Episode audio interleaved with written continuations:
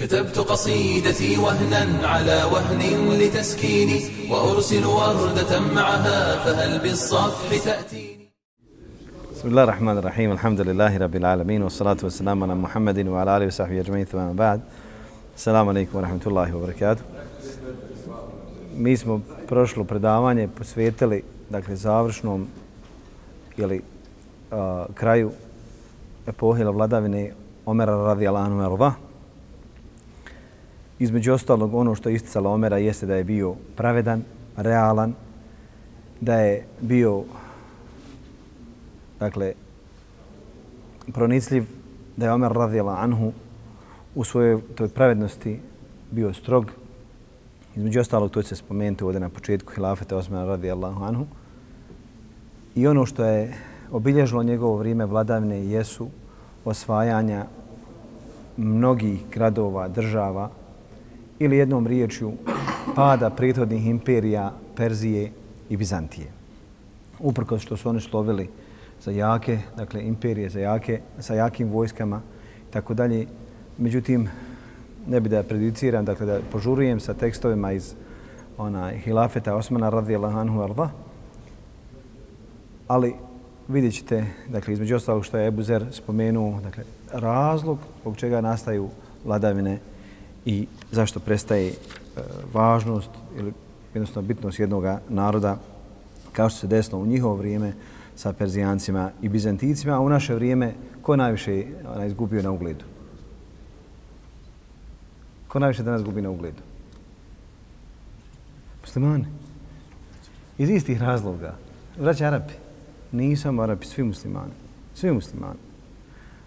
Onog trenutka kad se muslimani udalje od Allaha i wa knjige, onog trenutka kada prepuste uh, svoje, ono što njima pripada od vlasti ili vladavine, prepuste onima koji ne zaslužuju, kada zamijene Allahu te baraka ta'ala knjigu sa svim onim što ne, nije ni nalik, dakle onaj zakonima garantu prava, onda dožive ono što danas doživljavaju muslimani, nažalost. Omer radijal anhu nakon što je ukopan, a rekli smo da je bolovao koliko? Tri dana. Kada se desilo ubijstvo? Koliko dana prije kraja Muharrema? Tri, četiri, pet dana od kraja Muharrema. 23. godine. Dakle, samom početku, dakle, 24. godine, muslimani po njegovom prijedlogu, Omer radi dok je još bio živ, prave šuru, to jeste međusu Šura, danas to kod nas bilo kako? Skupštinu. Gdje je imam preporučio šestoricu ljudi Osmana, radi Anhu Varda, zatim Aliju, zatim Talhu, zatim Zubeira, Saada ibn Vakasa i Abdurrahmana ibn Aufa, radi Anhu Međme'in. Nije Omer radi Anhu e, potencirao nikoga između ovih šestorice, nego je predložio da jedan od njih šestorice bude. Između onih koji su zasluživali da budu spomenuti jeste Sa'id ibn Zaid, njegov rođak, ali ga Omer radi Anhu nije htio spomenuti među ovom šestorcu, sa ovom šestorcom kao sedmoga, zato što je on bio dakle, u srostu sa njim, a Omer radi Anhu nije volio, kako se danas moderno kaže, nepotizam, to jeste da preporučuje zapošljava svoju familiju ili sebi bliske. A ista ta stvar, vidjet ćete, inšala, mi ćemo u voda potrusiti da dođemo do kraja vladavine Osmana radila Anhu, ta se stvar obila o glavu Osmanu u njegovom hilafetu.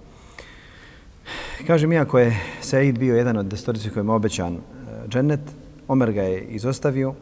Zatim, Omer radijallahu anhu je rekao da u šuru uvedu njegovog sina Abdullaha, ali da Abdullah nema nikakvih e, šansi da bude on predložen za nasljednika Omera, to je da bude halifa muslimanima. Zatim je Omer radijallahu anhu naredio da predvodi muslimane u namazu Suhejb ibn Sinan, Suhejb ibn Sinan je bio Bizantije, Bizantijac. Također e, odredio je dvojicu koji će sakupiti šuru Ebu Taluha Ansarija i Mihtada ibn Esveda el Kendija. Pa je rekao da u šuri mora da bude 50 ljudi od istaknuti, dakle ashaba ili muslimana u Medini. pa kaže Omer radi Anhu, mislim kada da ljudi neće zapostaviti Osmana ili Aliju, jednog od njih dvojice. Oni su pisali objavu Allahom poslaniku sallallahu alaihi wa sallam onako kako je donosio, donosio je Džibril. Također, Omer radijallahu anhu, kada je bio upitan ko je najbolji od, od ove šestorci ili općenito od muslimana, on je rekao Allah te bar kvetala će izabrati najboljega kao što izabrao najbolje nakon Muhammeda sallallahu alaihi veselem. Kada je Omer preselio i kad se pripremila njegova dženaza, Alija i Osman su htjeli da, da klanjaju, međutim Abdurrahman ibn Auf je rekao nemate pravo na to zato što je Omer odredio već Suhejba ibn Sinana. Kaže pa je Sinan, odnosno Halal Suhejbe prišao, klanjao dženazu, a onda su ga u kabur spustili on i njegov sin Abdullah, a nakon toga se okupila šura i nakon same dženazije nije samo nedostaju Talha radijalanhu vrda. Kaj sakupili se u kući Misvera ibn Mahreme, neki kažu da je to bilo u Aišnoj sobi, neki kažu da je to bilo kod Fatime bint Kajs u njenoj, dakle kući. Međutim, ono kaže što je najtačniji Ibn Kathir ističe ovdje, jeste da je to u kući Misvera ibn Mahreme.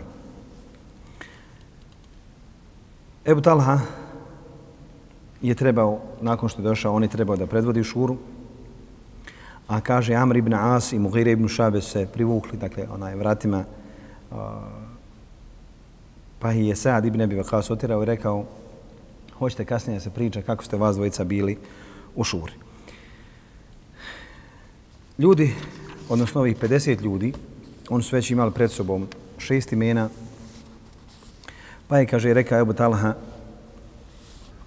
ja sam mislio da će, da, da će se vi odrecati hilafeta, ali kad vidim po vašoj priči, jer se već podigli glasovi, ona vidim, kaže, po vašoj priči da biste vi htjeli svako od vas htio da bude halifa. Pa onda Talha rekao, ja ostavlja, odnosno Zubair kaže, ja ostavljam, prepuštam da to bude Alija. Sad je prepustio Abdurrahmana ibn Aufu, a Talha je prepustio svoj hak Osmanu radijallahu anhu varda. A onda su između ostalog izdvojili Abdurrahmana ibn Aufa da okupi ov, ovu trojicu i da vidi koji je od njih najbolji. Pa je Abdurrahman ibn Auf sjeo sa svakim e, posebno i onda, dakle, on je samo za sebe rekao da ne želi da ona preuzme hilafet, pa je stvar osmala, izme, ostala između Alije i Osmana radi Alanhum Ežmein. Jer su, kažem, ta šura, ta skupština njihova donela je odluku da se stvar prepušta Abdurrahmanu da on donese sam odluku. Normalno, donijeti odluku jest po punomoći 40 i nešto ljudi, nije bilo jednostavno za njega 47 ljudi.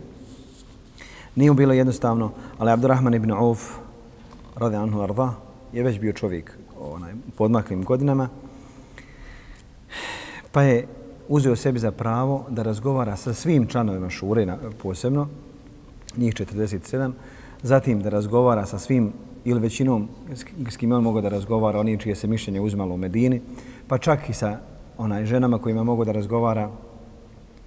Obilazio je, što bi kod nas rekli, mekteb za djecu, ketatib. Kaže, obilazio je, pitao je, djece, pitao je djecu koga oni kao djeca smatraju najprevednijim da im bude halifa, odnosno koji je istaknut. Pa sva, svi su se, dakle, zadržali kod imena Osmana radijallahu anhu, radijallahu anhu osim Amara i Mihdada. Amar i Mihdada smatrali da hilafe treba da pripadni Ali radijallahu vardahum eđmein. Nakon tri dana, odnosno tri noći, došao je kod svoga sestrića Misvere ibn Mahreme i on kaže njemu, Misvere, spavaš li? Kaj tri noći nisam spavao, nisam kaj sklopio oka. Kaže, idi, kaže, po Aliju i po Osmana. Dovedi ih, kaže, od da raz... Dovedi ih kaj da razgovaram. Kaj s kojim ću početi, kaj nije bitno s kojim ću početi. Kaže, pa je prvo otišao Osmanu radijallahu anhu. Pa ja sam ga pitao šta ti je rekao Abdurrahman ibn Auf, i rekao da pozovem tebe. Još neko kaže, jest rekao da pozovem Aliju. Svakim je rekao da počneš, kaže, prepusti meni da počnem sa bilo kim. Jer bi na, na to dakle, shvatili koga preferira Abdurrahman ibn Auf. Onda je otišao kod Alije isto i rekao Ali, Ali ga je pitao je li ima još neko sana, kaže ima Osman. I onda su uputili prema onaj prema Mežidu. A onda je Abdurrahman ibn Auf, dakle svakom od njih posebno se onaj obratio, upozorio ih na ono što ih čeka. Još niko nije znao koji će od nas dvojice, koji će od njih dvojice biti halifa. Kaže pa je Abdurrahman ibn Auf izašao, kad se već skupio narod, izašao među narod, stavio je čalmu na, na glavu koju ima Allah, poslanik sallallahu alaihi sallam, poklonio prije, dakle, u, svom, u tog svog života. Onda je povikano da je da sakupio narod radi namaza. Kaže, ljudi se sakupili i posljednji koji je dakle stavio safove bio Osman Radilano. I uprkos tome što je bio došao prije sviju, on je, kaže, svog stida nije htio se gura među ljude, nije htio da se on ističe među njima, da požuruje naprijed u prvi saf. Kaže Abdurrahman ibn Auf, ja sam vas, kaže, pitao javno i tajno, pojedinačno i u grupama, pitao sam koga preferirate, odnosno koga biste volili za svoga halifu, Aliju ili Osmana. Kaže, Alija, ustane pa hodi, kaže, ovamo kod Mimbera. Kaže Alija, jesi li ti, kaže, spreman da prihvatiš ovaj hilafet onako kako propisuju Allah i njegov poslanik i onako kako su bili, na, nje, na čemu su bili Ebu Bekr i Omer radi anhu varva. Kaže Alija, nisam spreman na takav način, spreman oliko koliko me Allah subhanahu wa ta'ala dadne snage da to podnesi. Kaže, pa je Abdurrahman pozvao Osmana i kaže, Osmane, prihvataš ti da budeš halifa muslimanima onako kako je po knjize Allah te barke ta'ala sunet njegova poslanika, onako kako su bili Omer, odnosno Ebu Bekri i Omer, kaže prihvatam. Pa su, kaže ljudi, onda je digao ruku, kaže Allahum isma vošhed, gospodar čuj i svjedoči. Dakle, gospodar čuj i svjedoči, gospodar čuj i svjedoči, to je ponovio tri puta, a onda je rekao, onaj, dajem prisegu Osmanu radi Anhu kao halif, pa su muslimani ostali ustali, davali su pristegu i među njima je bio Alija radi Anhu erva i kaže jednoj predaj da je Alija rekao Abdurrahman ibn Aufu, Aufu Dakle, prevario si me. Prevario si me, nisim trebao postaviti takvo pitanje. Imate u istoriji oni koji se spominju, odnosno koji jednostavno nemaju pravo da priču, pričaju ili pišu istoriju od Rafidija, dakle šija, ili onih koji prenose priče, ono što bi se reklo čula kazala, oni koji ne mogu da razvoji između tačnih ili netačnih informacija, pravih ili e, krivih, Između ostalog, na koji način je Osman došao do hilafeta, iako, kažem, Osman kao ličnost ni u jednom trenutku, ni za vrijeme Allaha poslanika sallallahu alaihi sallam, ni u vrijeme hilafeta Ebu Bekra niti Omera se nije ničim isticao da bi on želio vlast, dakle kao ličnost, onaj nije sebi uh, stavljao nikada u prvi red. Istoričari kažu da je njemu prisega data, odnosno da je prihvatio hilafet tek 24. Muharrema, neki kažu da je to bilo 10. neki 15. Međutim, ono što je tačno, da se ovo desilo tri dana nakon što je Omer ukopan. Odmah, dakle, zadnjeg mjeseca, uh, uh, zadnjeg dana mjeseca Muharrema, 23. odnosno da tri dana nakon njegove smrti, koliko je trajala taj izabir ili savjetovanje sa Šurom, to jeste početak e, mjeseca Muharema.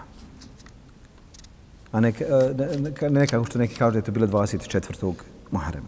Zatim je, kaže, prvi namaz koji je klanjao Osman radi muslima, predvodio muslimane je bio Bijelek Indija namaz. I onda se obratio muslimanima u hutbi. Njegova hutba je sadržavala, dakle, da je, sad ja ona, ne šitam sva, riječ po riječ, njega onaj hutba je sa, sa, sadržavala postane dobro odraćanje od zla, odnosno prikaz Dunjalka jednostavno muslimana da na dunjalku treba da bude jedan obični zahid, to jeste subtilan, da, ne, da njemu dunjaluk ne, ne pripada i tako dalje. I onaj, nakon toga su, jel, Osman radi je, njegova vladavina je počela. Kaže imam Šabi, prvo sa čim je pošeo e, Osman radi Anhu, jeste da je povećao ljudima njihove plate, onaj koji imao stotinu dirhima, od tog trenutka imao 200 dirhima. Posebno istakao vojske muslimana, njima je povećao također onaj plate. A Omer radi Anhu, kome god je davao stotinu dinara iz Betul Mala, ovaj, Osman radi Anhu je povećao. Kaže da je Omer radi Anhu davao svaki noć u Ramazanu dirhem svakom muslimanu za iftar. Majkama pravo vjerni je davao po dva dirhema. Kada je Osman došao, povećao je čak i onaj i, to, i te prihode. Zatim je, kaže Osman, izvojio jedan dio u meždu, meždu Allaha poslanika sallallahu alejhi ve sellem, poslanika sallallahu alejhi ve.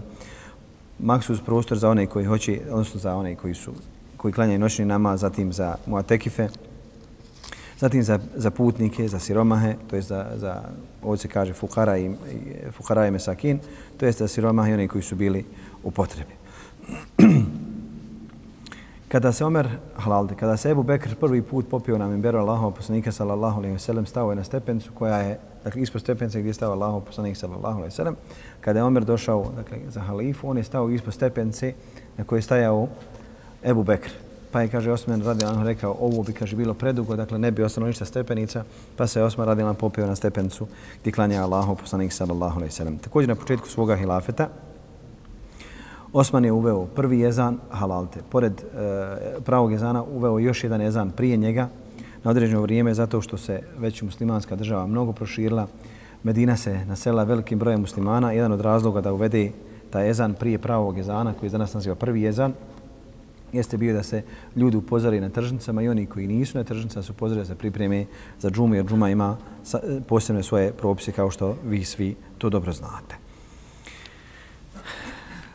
Prva parnica koji je Osman Radanu presuđivao jeste bila pra, parnica Ubejdullaha ibn Omera.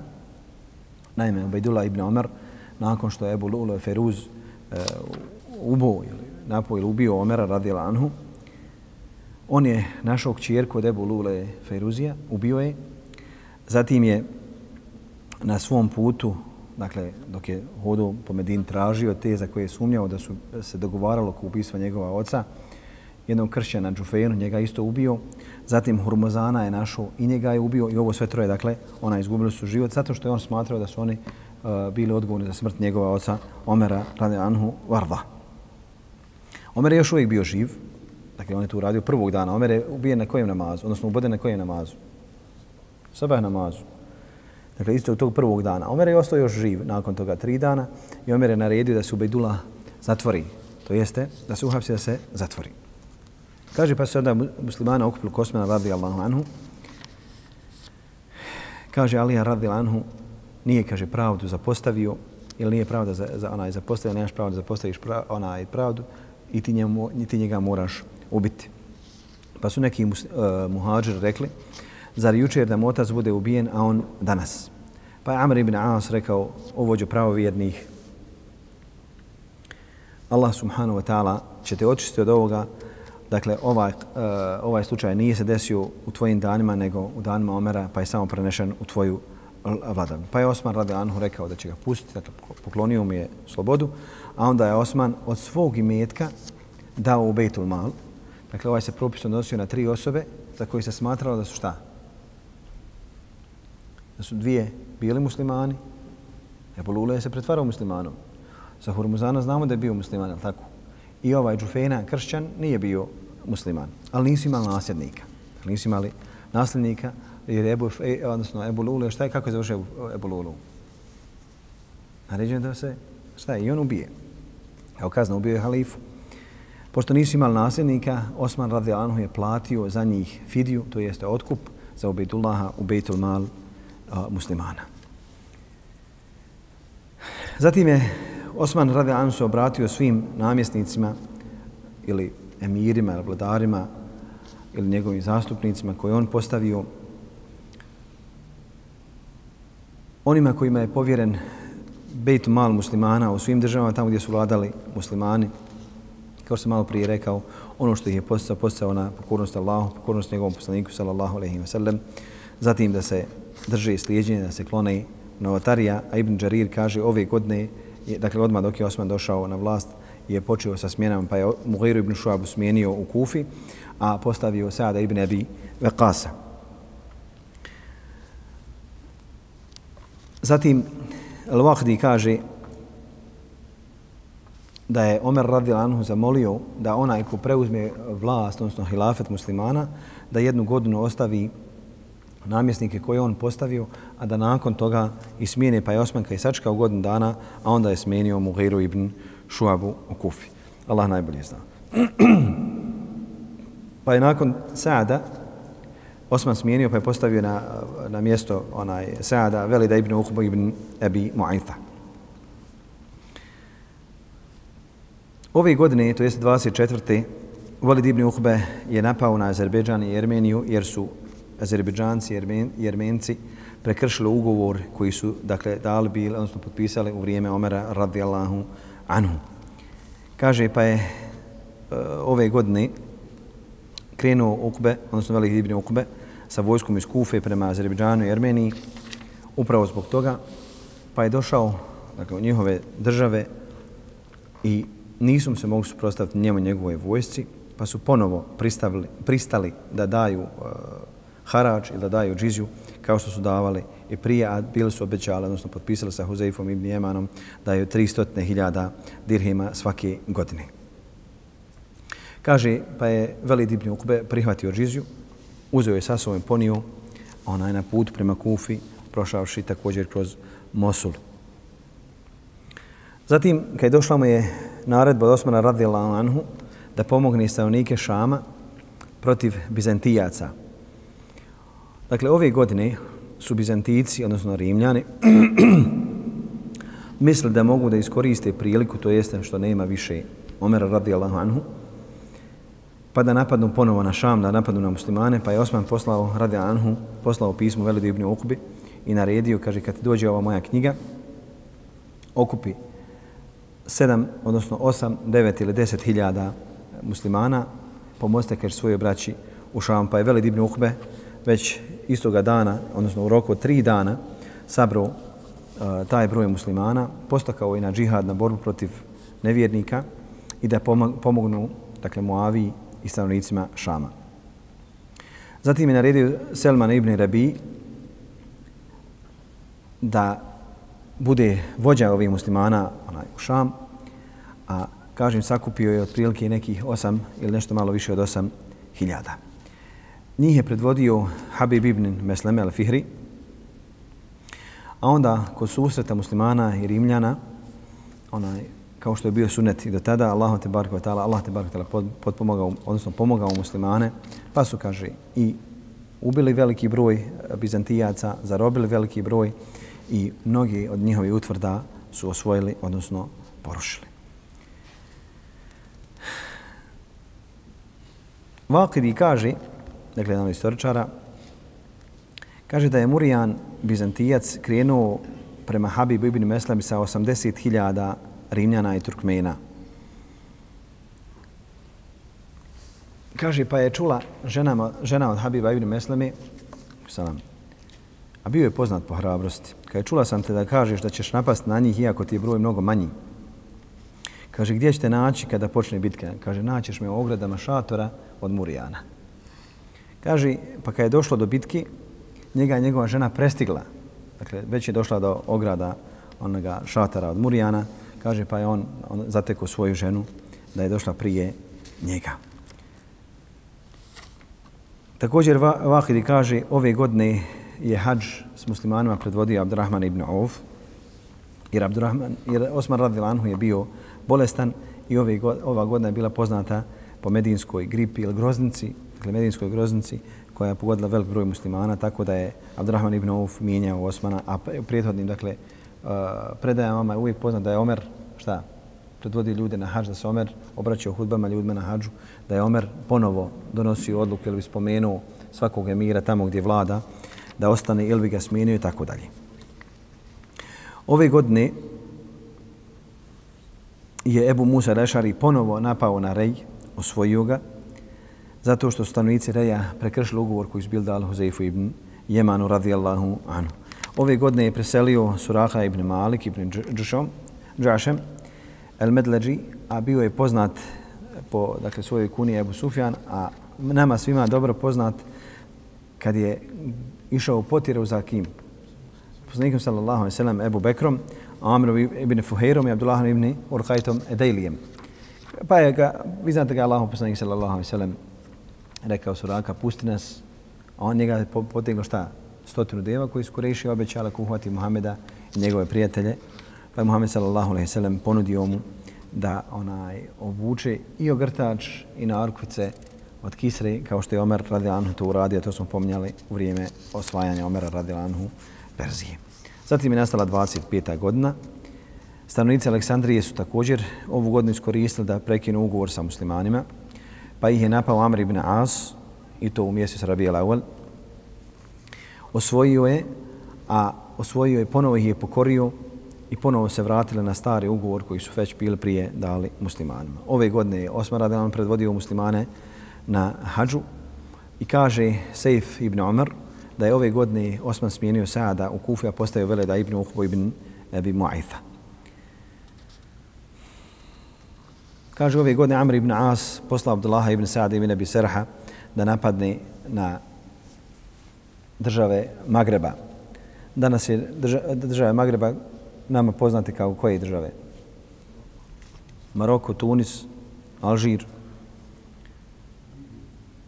E to nije, to nije država Magreba. Libija i Egipat pripadaju čemu? One se zovu sjeverno-afričke zemlje. I ove su sjeverno-afričke, a se naziva zemlje Magreba, dok su ove sjeverna Afrika. Zatim je nastala 26. godina, 25. se više ni po čem nije istila, 26. godina, kaže Al-Waqidi, u njoj je, kaže, naredio Osman radi da se prošire granice, odnosno se o, obnove granice Harema. Zatim je proširio Mešidul Haram. Ove godine, kaže, tek smijenio Sada u Kufu, postavio, postavio Veleda ibn Ukubu, a razlog je bio da je Sad uzeo od Ibn Mesuda, Abdullahinu Mesuda, i metak iz Bejtul Mala posudio, a onda kad Ibn Mesud zatražio onda od njega došlo do svađe, pa je, kaže, onaj Osmar Rada Anhu odredio zbog te svađe, zbog e, uh, skravljenja ugljeda i nevraćanja duga, da smijeni Sada da postavi Velida ibn Uqbu. Iako je, kaže, on za uh, Omer Radila Anhu radio, radio u vremenu osvajanja džazire, ili država ili gradova džazire, nasilja. Zatim je nastala 27. godina, kaže Vakidi, odnosno Ebu Bašar i Vakidi kažu, ove godine je smijenio Amra ibn Asa u Egiptu, a postavio je Abdullah ibn Sa'da ibn Abi Serha, a Abdullah ibn Sa'd ibn Abi Serha je bio bratić od Osmana po majici. Zatim, ono po čemu je Ibn Serh poznat jeste Abdullah ibn Sa'ad ibn Abi Serh, jeste da je Allahov poslanik sallallahu alaihi sallam rekao na dan oslobađanja Mekke, onaj ko, ko nađe njega i još pojedinci koji nas spomenuo i Krimu ibn Abi Džehlaj i druge onaj, ljude u Mekki, rekao ko, koji god nađe, neka ih ubije, pa makar i našu pod čime? Okretačom Čabe. Zbog toga što su bili žestok nepred Muhammed sallallahu alaihi sallam i vrijeđali su poslanika sallallahu alaihi sallam, pa je Osman radi Allah došao kod Allaha poslanika sallallahu alaihi sallam i tražio za njega, tražio za njega da mu se smiluje, odnosno da mu oprosti, pa Allahov poslanika sallallahu alaihi sallam prihvatio. Ove godine, to je 27. Osman naredio Abdullah ibn Sad ibn Biserhu da napadne Afriku, a zatim, ako uspije u tim svojim osvajanjima, da uzme petinu petine od plijena. Koliko je petina petine? 4%. Molim? 4% jest. Dakle, 4% da uzme od onoga od plijena. Kaže, pa je krenuo sa vojskom 10.000 muđahida, i nije mu bilo ništa lakše nego osvajati državu po državu ili grad po grad Afriki. Velik broj žrtava je pao sa strane napadnutih, a onda su, dakle, svi ti te sjevernoafričke države i oni koji su bili nešto južniji od njih, nakon toga se pokorili islamu i njihov islam je ostao zapamćen kao, dakle, uh, ili narodi koji nisu napuštali tek tako islam kao što se desilo na arapskom polotoku. Zatim Abdullah ibn Sa'ad uzeo petinu petine od, ili ta 4% uzeo od plina, a četiri petine poslao Osmanu radijallahu anhu. Zatim je četiri petine koji ona je podijelio, dio koji je poslao Osman i ono što je ostalo od, od plina podijelio na voj, vojnike. Kaže svakom konjaniku je pripalo 3000 dinara, a pješaku je pripalo 1000 dinara. El Wahdi kaže da da biskupi koji su vladali onaj ovim dijelovima Afrike, da su mu ponudili 2 miliona i 20 hiljada dinara kao džiziju godišnju, a neki kažu da je bilo mnogo više od toga. Kaže da je sva ova sredstva Osman poklonio Al Hakemu ili jednoj predaje Al Mervanu. Nakon što je osvojena Afrika. Osman radi Allahu je poslao Abdullaha ibn Nafi ibn Abdul Kajsa i Abdullaha ibn Nafi ibn Abdul Husayn al-Fihrija. Oba dvojica su Fihri. Poslao ih je na Andalus. Ili danas nama poznata koje dvije države? Španija i Portugal. Kaže, pa im je rekao da dođu od strane mora, a onda je napisao Osman Radanhu u pismu i rekao Konstantin grad će biti osvojen sa mora, a vi ako uspijete osvojiti Andaluziju sa strane mora, vi ćete učestvovati u osvajanju ili oslobađanju Konstantin grada, iako će, kaže, desiti u Ahir Zemanu i kaže, neka je na vas selam. Kaže, pa su krenuli i onaj, bili su prvi koji su osvojili ovo poluostrvo. Događaj Džerđira i Barbara sa muslimanima. Kada se muslimani okupili sa 20.000 vojnika, krenuši putem Afrike, predvodi Abdullah ibn Sa'ad ibn Abi Serh. U, u vojsci je bio Abdullah ibn Omer, Abdullah ibn Zubair. Kaže, pa im se suprostavio kralj Barbara po imenu Džarđir sa 120.000, neki kažu sa 200.000 vojnika. Kad se susrele ove dvije vojske, 200.000 ili 120.000 njih je opkolilo muslimane sa svih strana. Kaže, pa su muslimanci našu situaciju fakat u nezavidnoj situaciji. Onda je Abdullah ibn Zubair prišao Abdullahu ibn, e, ibn Sa'du ibn Abi Serhu i rekao, hoćeš li mi, kaže, dopustiti da ja, kaže, Džerđira lišim života? Kaže mu Abdullah ibn Abi, uh, Abdullah ibn Sa'd ibn Abi Serh, kaže, hoću. Daj mi, kaže, samo neko ko će mi čuvati leđa. Kaže, pa izvojio jednu malu grupicu ljudi da ga prate. I on kaže, direkt, skonto je gdje on? a Džerđir je jaho magarcu. I kaj je direkt krenuo prema njemu. I ovi su, kaže, pomislili kako on bio ubijeđen u svom onaj galopu, da je on krenuo da pregovara sa Džerđirom. Kaže, svi su se, svi nikom se nije suprostavio. I kad je Džerđir vidio šta se desi, Džerđir počne bježati. On ga do kraja čijest. Uspava ga, kao što smo i to inače koristili taj termin. Kaže, previše se prati, moraš pa šta se priča. Ja samo citiram, ja ne pričam od sebe. Nisam ja pisao ove knjige kaže, onaj, uspavao ga je, odvojio mi je glavu od tijela, stavio na koplji podigu, kaže, kad su ovih ostali vidjeli, dakle, do rata više ona nije trebalo da dođe, svi se razbjež, razbježali na sve strane.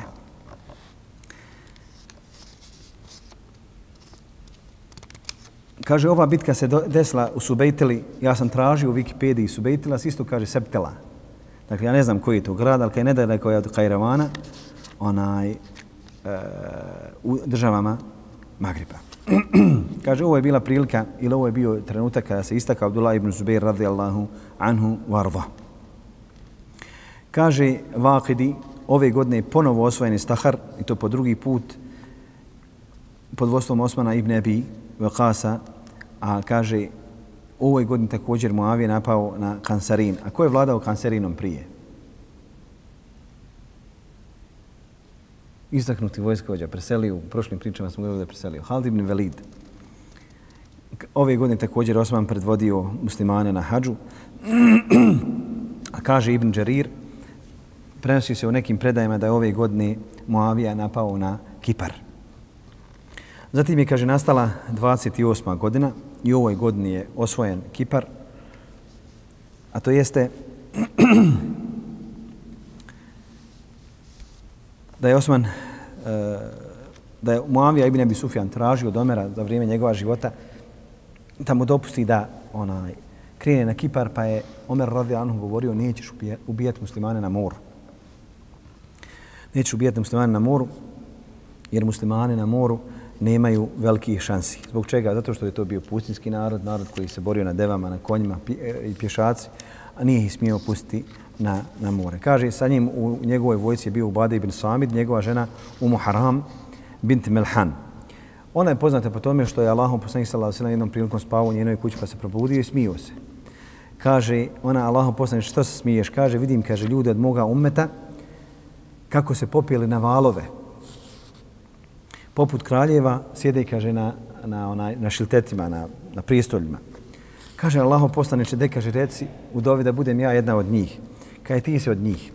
Zatim je Allahom poslanik sam sam ponovo zaspao, pa ustao i ponovo se smiju. Kaže ona Allahom poslaniče, de kaže, dovi da budem ja od njih. Kaže, ti si od onih koji su prvi. Ti ćeš biti među onima koji su prvi.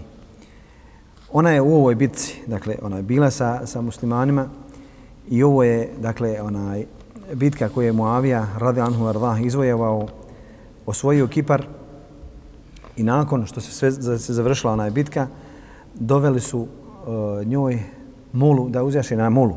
Kaže, pa se okrizna, pala na glavu, slomila vrat i umrla. pa su je zakopali dakle, na Kipru, njen kabur i dan danas na Kipru. Ibn Kethir, dakle, u svom vremenu kaže, i dan danas, dakle, oni su onaj, tamo okupljaju se k kabura i traže kišu zbog pristva njena kabura jer je bila sahabika. A to mi se nazivamo kako? Širk. Kaže, od mnoštva stanovnika Kipra doveden su zarobljenici, pa je Derda pogledao i zaplakao. Kaže njemu Džubeir ibn Nufair, zašto, kaže, plačeš u danu kada je Allah subhanahu wa ta'ala uzdigao islam i muslimane? Pa kaže, teško tebi, znaš li ti koji su, kaže, ovo narodi bili, kakav je ovaj narod bio jak? Onog trenutka kad su zapostavili Allahove subhanahu wa ta'ala propise, desilo im se ono što im se, kaže, desilo, a ti vidiš. Allah im je, kaže, dao da budu zarobljeni. Allah kaže kad dade nekom da bude zarobljen, to znači da više Allah nema u njemu. Sebi ovo se odnosi na žene i na djecu. Kaže kad Allah dadne nekom da mu se porobe žena i djeca, to znači da Allah više nema od njih kaže ništa, odnosno neće Allah ništa od njih, niti se onaj, niti hoće Allah da ih upotrebi za neki hajr. Kako je, kaže, ljudima lahko da zapostave Allaha, a kako je, kaže, Allahu lahko da ih kazni. Kaže, nakon toga je Moavija postigao stanovnicima Kipra, postigao ugovor da mu plaće 7000 dinara svake godine i onda su napustili muslimani, odnosno Moavija napustio svojim vojskama Kipar. Zatim je nastala 29. godina. Ove godine je Osman ibn Afan smijenio Ebu Musa al-Ašarija u Basri. Nakon što je radio šest godina, odnosno bio namjesnik u njoj šest godina, a onda je postavio Abdullaha ibn Amera, ibn Kureiza, ibn Rabiju, ibn Abdušemsa. Bio je njegov Dajđić, Dajđić od Osmana radi Alanhu Varda.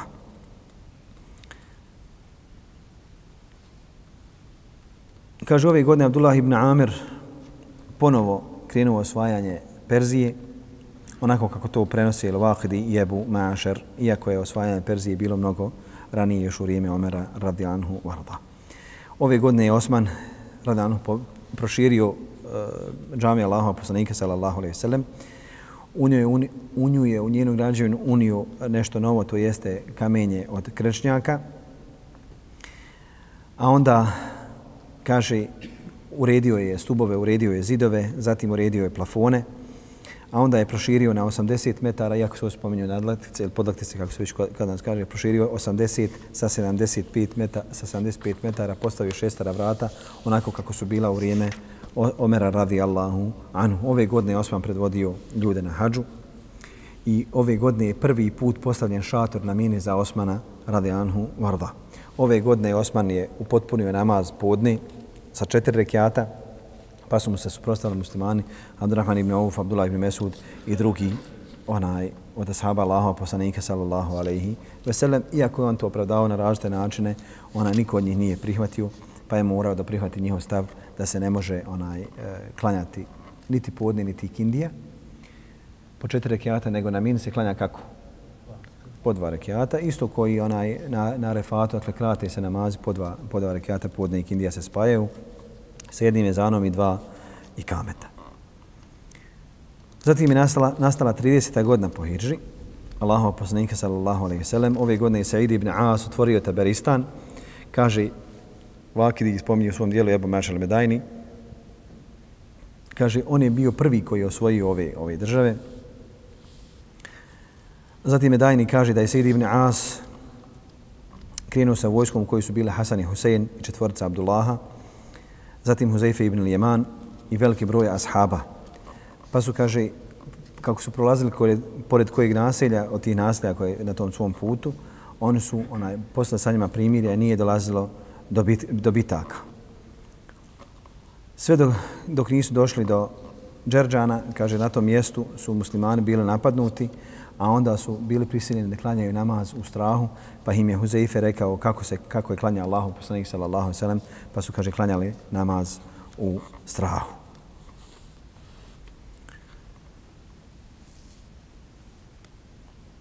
Ove godine je Osman ibn Afan smijenio Velida ibn Ukbu u Kufi, postavio Saida ibn Asa, a razlog tome je bio da je Velid klanjao četiri rekata farza, sabahskog farza. Kaže, kad je predu selam okrenuo je, kao, ćete li još? Da klanjam još koji rekiat. Pa su mu rekli, kad je ti kako si došao, mi smo uvijek, kaže, u, u dobitku s tobom. A onda su ga prijavili Osmanu radila Anhu da je pjan i da su da je skupina posvjedočila da su ga vidjeli kako onaj kako se opio, a drugi posvjedočili kako onaj povraća nakon pijanstva, pa je Osman radi Anhu rekao da se dovede kod njega u Medinu. Kaže, Alija mu je skinuo odjeću, pa su ga bičevao ga je Sejid ibn As pred Osmanom radi Allahu Anhu varda. A onda u Kufi je postao Sejida ibn Asa. Ove godine je Osman izgubio prsten na Allahova poslanika sallallahu sallam u bunaru Erisa. Ovaj, vama dobro poznat prsten na kojem je pisalo kako? Allah, Allah Resul, eh, Muhammed, dakle Muhammed Resulullah. Kaže, pa mi, taj prsten je nosio poslije njega Ebu Bekr, poslije Allahov poslanik sallallahu sallam, pa onda Omer Radanhu, pa je onda prsten preuzeo Osman i izgubio ga je u ovome bunaru. I nikad ga više nije pronašao, pa je naredio da mu se napravi sličan onaj prsten tome, pa ga je ponovo, kaže, izgubio i taj drugi, Allah najbolji zna. Ove godine se došlo do razilaženja između Muavi i Ebu Zera u Šamu, time što je Ebu Zer, vi znate da je Buzer bio također zahed čovjek, abid, ashab, Kad je došlo do između njih dvojice, pa je u tom svom sprečavanju prešao granice koje su nisu vidjeli Moaviji, pa ga je prijavio Osman radi Alanhum, pa onda Osman naredio da se Ebuzer povuče iz Šama da dođe u Medinu, onda mu je rekao da živi u Rebzi, a Rebza je nedale, mjesto nedaleko od Medine u pustinji. Ali mu je naredio da mora dolazi češće u Medinu, kaže da ne bi poprimio uh, prirodu pustinjaka, to jeste Arab, Arab ili Beduina. kaže, pa je zatražio od Osmana da, da ga ne prisiljava da živi u Medini, jer je Allah poslanik sallallahu alejhi ve sellem rekao sela u arapskom je čela, dakle ovaj dio čela dio glave, kaže pa je zamolio Allah Allah poslanik sallallahu alejhi ve sellem rekao kada tjeme dotakne onaj kada eh, uh, građevne se budu uzakli, izdigle iznad tjemena, ne imati, kaže, vi, više mjesta tu da živiš. Kaže, izađi iz ovoga mjesta. Kaže, pa sam, kaže, vidio da je tijeme dotaklo, odnosno da tijeme onaj, uzdigla se e, plafon iznad Tjemena, onda mu je, kaže, Osman dozvolio da napusti i otišao je u Rebzu, a nešto ćemo kasnije spomenuti onaj, e, kako je Ebu Zer preselio.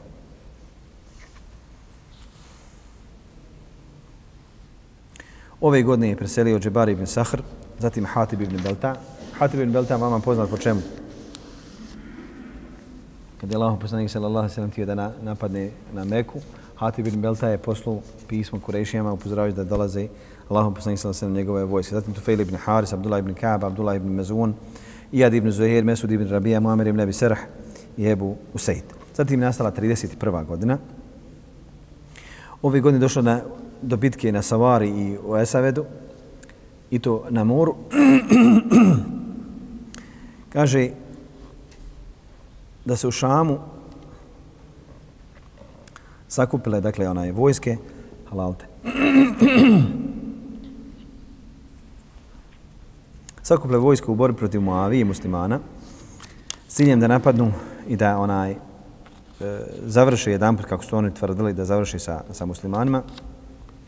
Iako su ove bile godine u kojima je osvojen je onaj sjever Afrike gdje su izgubili bitke i barbari i onaj e, gdje je osvojena dobar dio Afrike, zatim Andaluzija, Pa su, kaže, Bizantice okupile oko Konstantina, sina Heraklovog.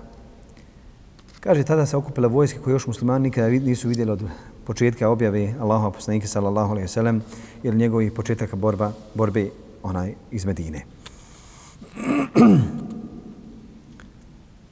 Cilj im je bio da spriječe Abdullaha ibn Abi Serha i njegove onaj, prijatelje, oni koji su već osvajali uh, arapske, odnosno halalte, Magreb, zemlje Magreba. Kaže, pa se susrele onaj, dvije ove vojske, a do borbe je došlo do na, na moru, na lađama.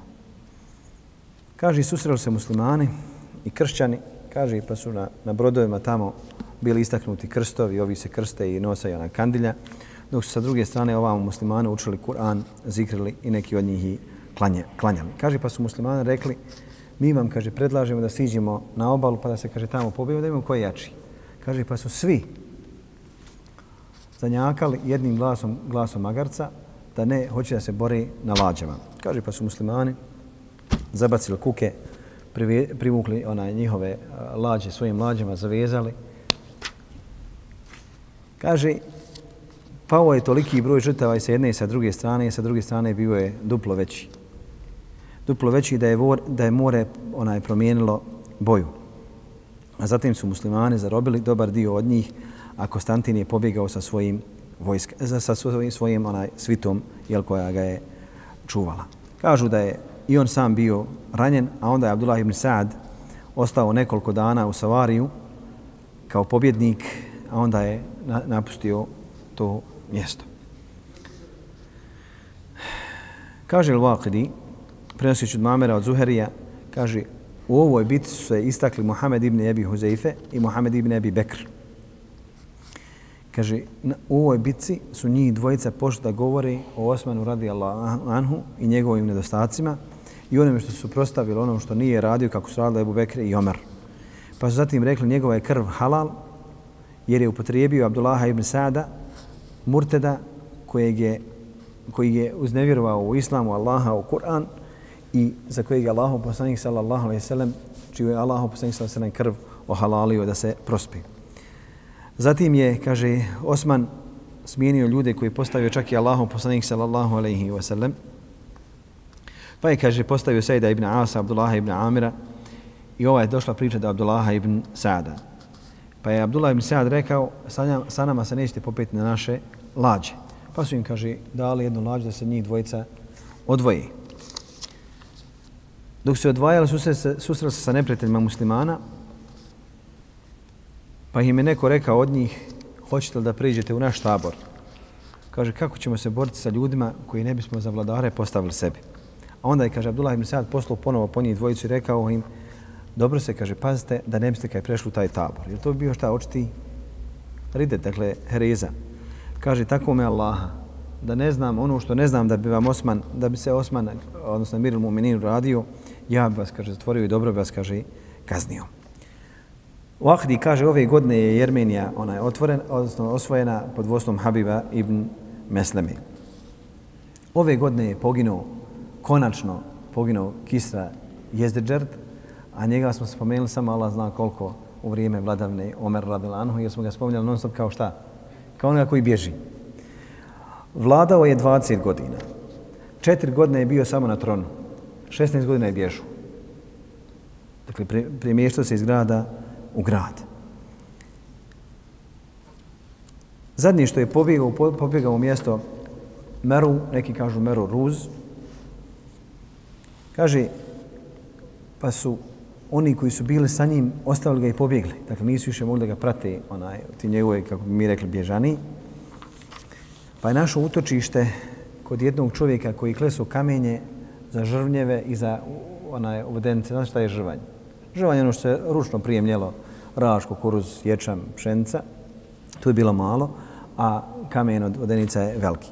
Kad je pa je pobjegao u njegovu kuću. Kad ga je ovaj vidio čovjek kakav je, kruna, ogrtač, zlato, srebrna njemu ljepota, kaže o njemu, jesi li, kaže, insan ili si džin? Kaže, insan. Kaže, dobro. Pa izašao i obavijestio ljude, obavijestio ljude komu je došao u kuću. Kaže, kad je za njega čuo Mahavehi ibn Baba,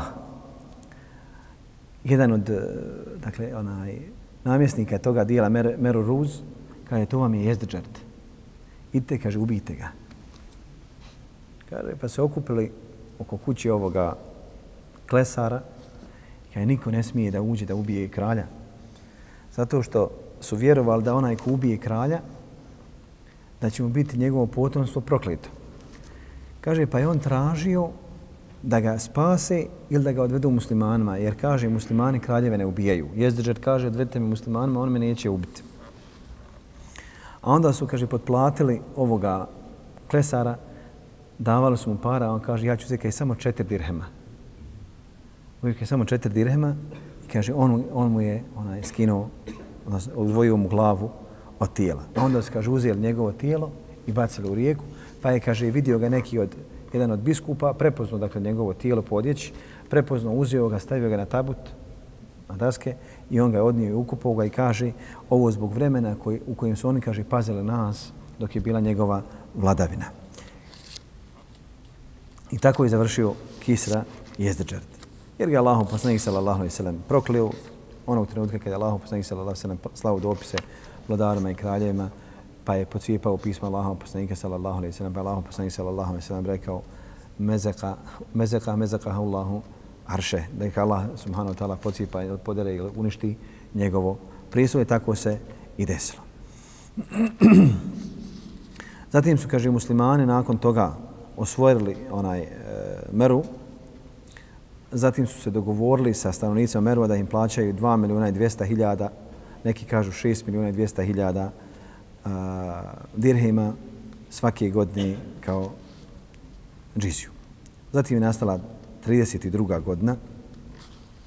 U ovoj godini je Moavija napao na, na, na Bizantiju. Sve dok nije došao do Anadolije, ili mjesta gdje se gdje je onaj Moreuz Konstantingrada, to jeste današnjeg Istanbula.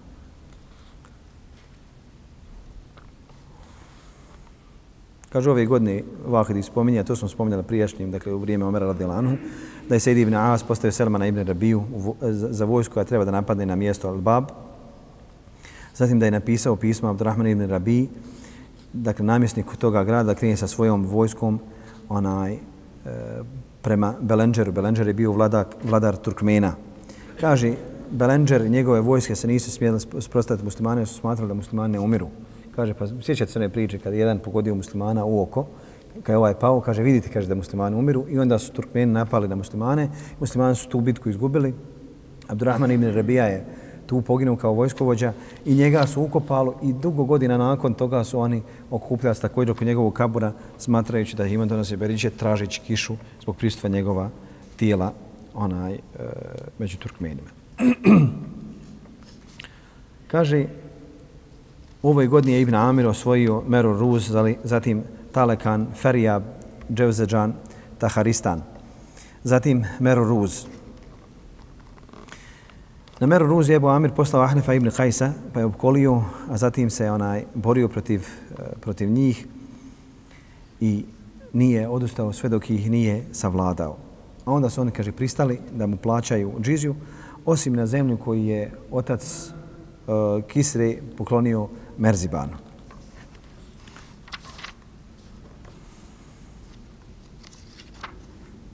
Ove godine je preselio Abdul, Abbas ibn Abdul Talib.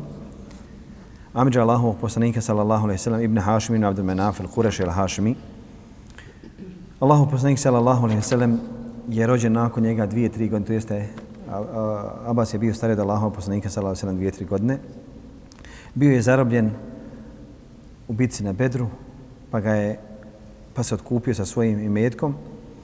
Otkupio je i svoju dvojicu, onaj bratića, Uqayla ibn Abi Taliba i Nofela ibn Harsa. Dok je bio u okovima, Allahu poslanik sallallahu alejhi ve sellem čuo, irhamkela, čuo njegovo jecanje, pa je pa je pa pitala Allahu poslanika sallallahu alejhi ve sellem zašto ne spavaš kad ne mogu da spavam dok Abbas jeca. Kaže pa pedan muslimana ustao i odvezao Abasa radijallahu anhu warda, kaže pa je Allahu poslanik sallallahu alejhi ve sellem zaspao.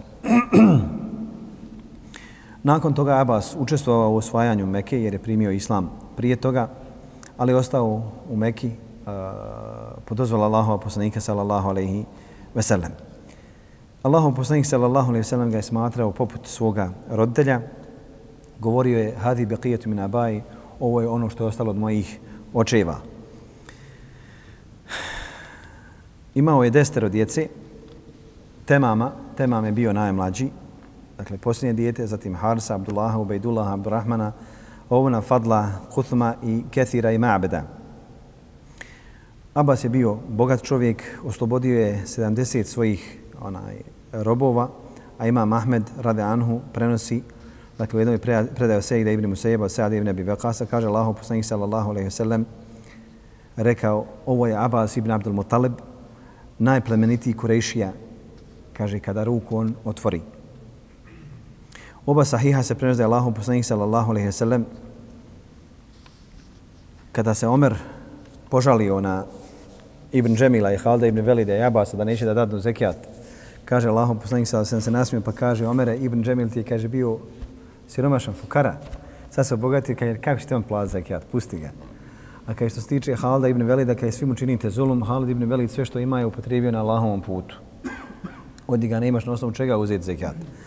A što se kad tiče moga e, onaj Amidža Abasa, ona, ja ću kaj dati za njega zekijat i još toliko. E, nemoj od njega tražiti zekijata. Kaže o njemu, Omere, zar ne znaš da je Amidža nečiji poput njegova oca ili druga polovica oca? U vrijeme Omer radila Anhu, mi smo to spominjali da je Omer radila Anhu, kada ne bi bilo kiše, izveo bi Abasa pa bi tražio da Allah te barak tela kišu, pa bi govorio gospodar naš u vrijeme Allahova poslanika sallallahu alejhi ve sellem mi smo tražili kišu njegovim pristupom sad tražimo ti kišu njegovim amidžom.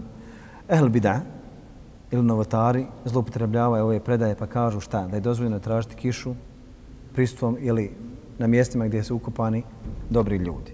Razlika između ove dvije situacije ili ove tri situacije situacija Allahova poslanika sallallahu alejhi ve sellem što je on bio živ. Druga situacija što je Abbas bio živ.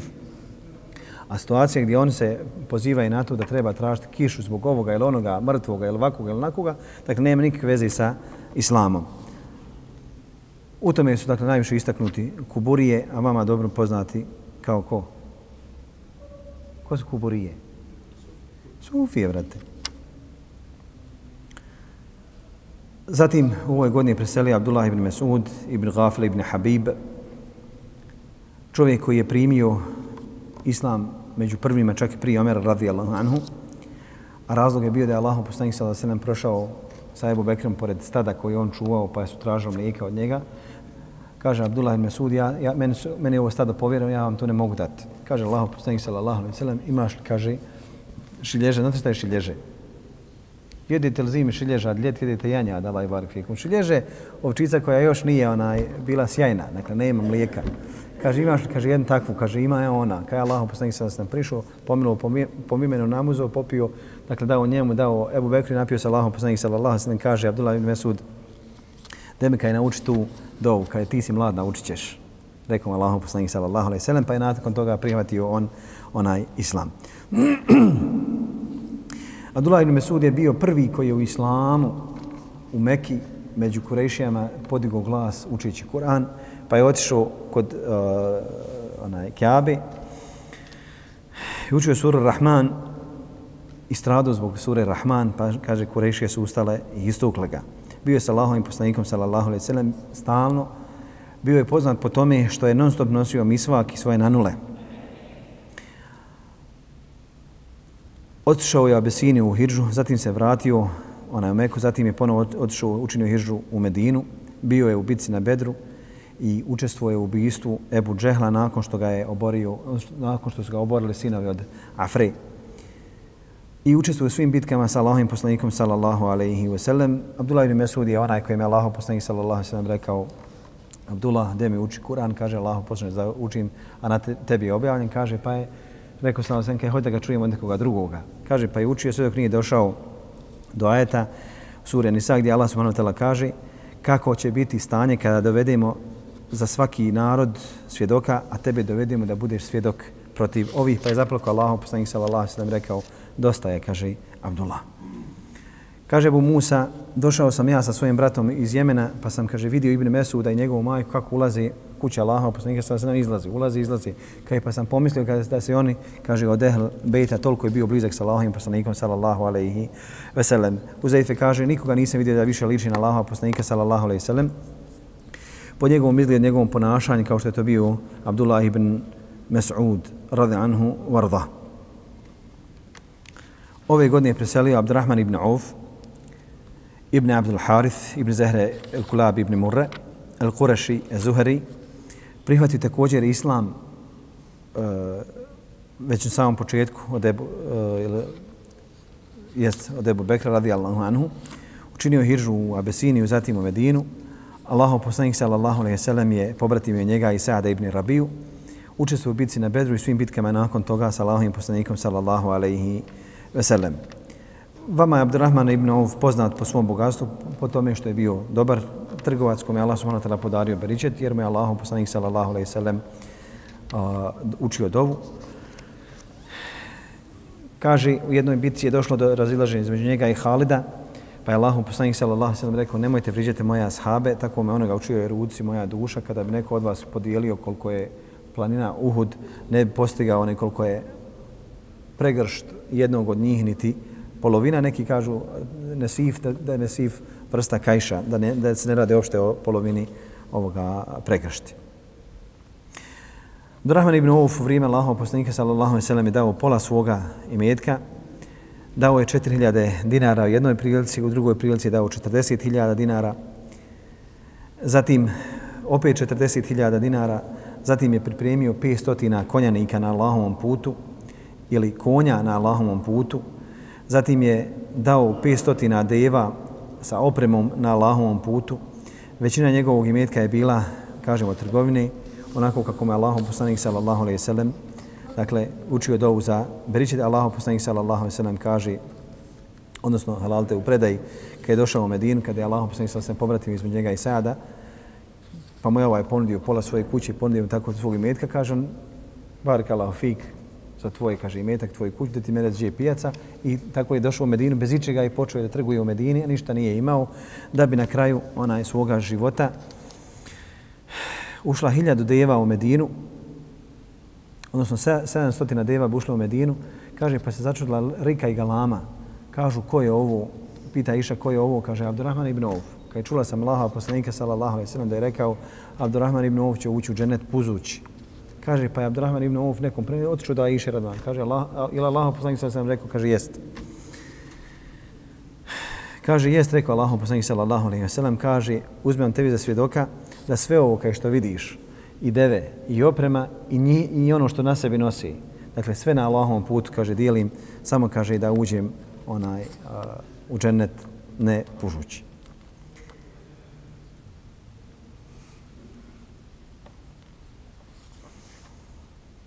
Abdurrahman ibn Auf je predvodio namaz, sabah namaz, pa je Allahom poslanik sallallahu alejhi ve sellem prispio na drugi rekat i klanjao iza njega, kažu Eh, onaj pisci sire, da je ovo bila velika stvar za Abdurrahmana ibn Aufa, da iz njega klanja Allahu poslanik sallallahu alaihi sellem. Kada je preselio, ostavio je majkama pravovjerni veliki metak, toliko da je Aisha radi Anha rekla, molim Allah da ga napoji sa izvora Sel Sabil. Također oslobodio velik broj robova, ostavio je toliko zlata da su krampama ljudi kidali i sjekli sjekirema i da su umarali, onaj nisu mogli da isije, isijeku. Ostavio hiljadu deva i stotinu konja. Ostavio tri hiljade ovaca da se čuvaju na današnjim bakijama. Kaže, imao je četiri žene, a ono što im je pripalo od miraza bilo je, svaka od njih je dobila 80 hiljada, a žene dijeli koliko? Koliko dijele žene? Ako ima dijete, osminu, ako nema, četvrtinu nije imao djece, pa su dobili četvrtinu. Kaže, kada je onaj podijelio svoj metak, oporučio je da se dadne učesnicima na bedru. Kaže, od toga su uzeli Jalija i Osman radijallahu anhu. Ebu Zer al-Ghifari je preselio ove godine. Ebu Zer al-Ghifari radijallahu anhu, poznat kao Džundub, odnosno poznat kao Ebu Zer, a on bio Džundub ibn Džunade, prihvatio islam dakle još samim početcima. Neki kažu da je bio četvrti, neki kažu da je bio peti koji je prihvatio islam. On je prvi koji je nazvao Allahom poslaniku sallallahu alaihi sallam selam. Zatim se, kaže, vratio svome narodu, a onda je bio među svojim narodom dok, dok nije učinio hiđu sa Allahom poslanikom sallallahu alaihi sallam u Medinu. Ima jedan događaj koji se veže za njega u jednom od bitaka kad ga je vidio Allahom poslanik sallallahu alaihi sallam da ide kroz pustinju sam. Kaže sallallahu alaihi sallam rahim Allahu Eba Zer. Kaže, vid, nek se Allah smiluje, kaže Ebu Zeru, ide i kaže sam, umriće sam i bit će proživljen na sudnjem danu sam. Kaže, pa je malo prije rekla da je živio u kojem mjestu na domak Medine? Rebez. Kaže, pa kad je umru, radi Anhu Erda, njegova žena nije ga mogla ukopati. Nije ga mogla ni opremiti. Kaj pa naješu Abdullah ibn Mesud svojim prijateljima, krenuo prema Medini kaže, Vidio je žena čuči kraj njega, ne može. On se čuči ispred kuće, ne može ništa da uradi sa njegovim tijelom. Kaže, reci šta, šta je bilo. Umu Zer kaže, Ebu Zer je preselio, ne mogu kaže da ga onaj opremim kopam. Kaže, pa je zaplaku Abdullah ibn Mesud i spomenuo ovaj hadis Allahova poslanika sallallahu alaihi veselem. Kaže, na tom svom putu iz Iraka, kaže, oni su ga opremili, klanjali su mu dženazu, a onda je Osman radijallahu anhu ženu i djecu odveo u Medinu i djecu je kaj spojio sa svojom djecom jer nisu imale od čega živjeti nakon njegove smrti.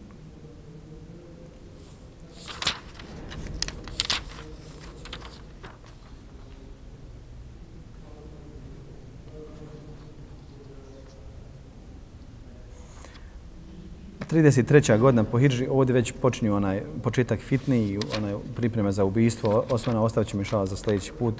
Molim Allah da nas nagraje svakim dobrom. Sallahu na sjedna nebina Muhammed, Val Muhammed. Barak Allahu fikum. كتبت قصيدتي وهنا على وهن لتسكيني وأرسل وردة معها فهل بالصفح تأتي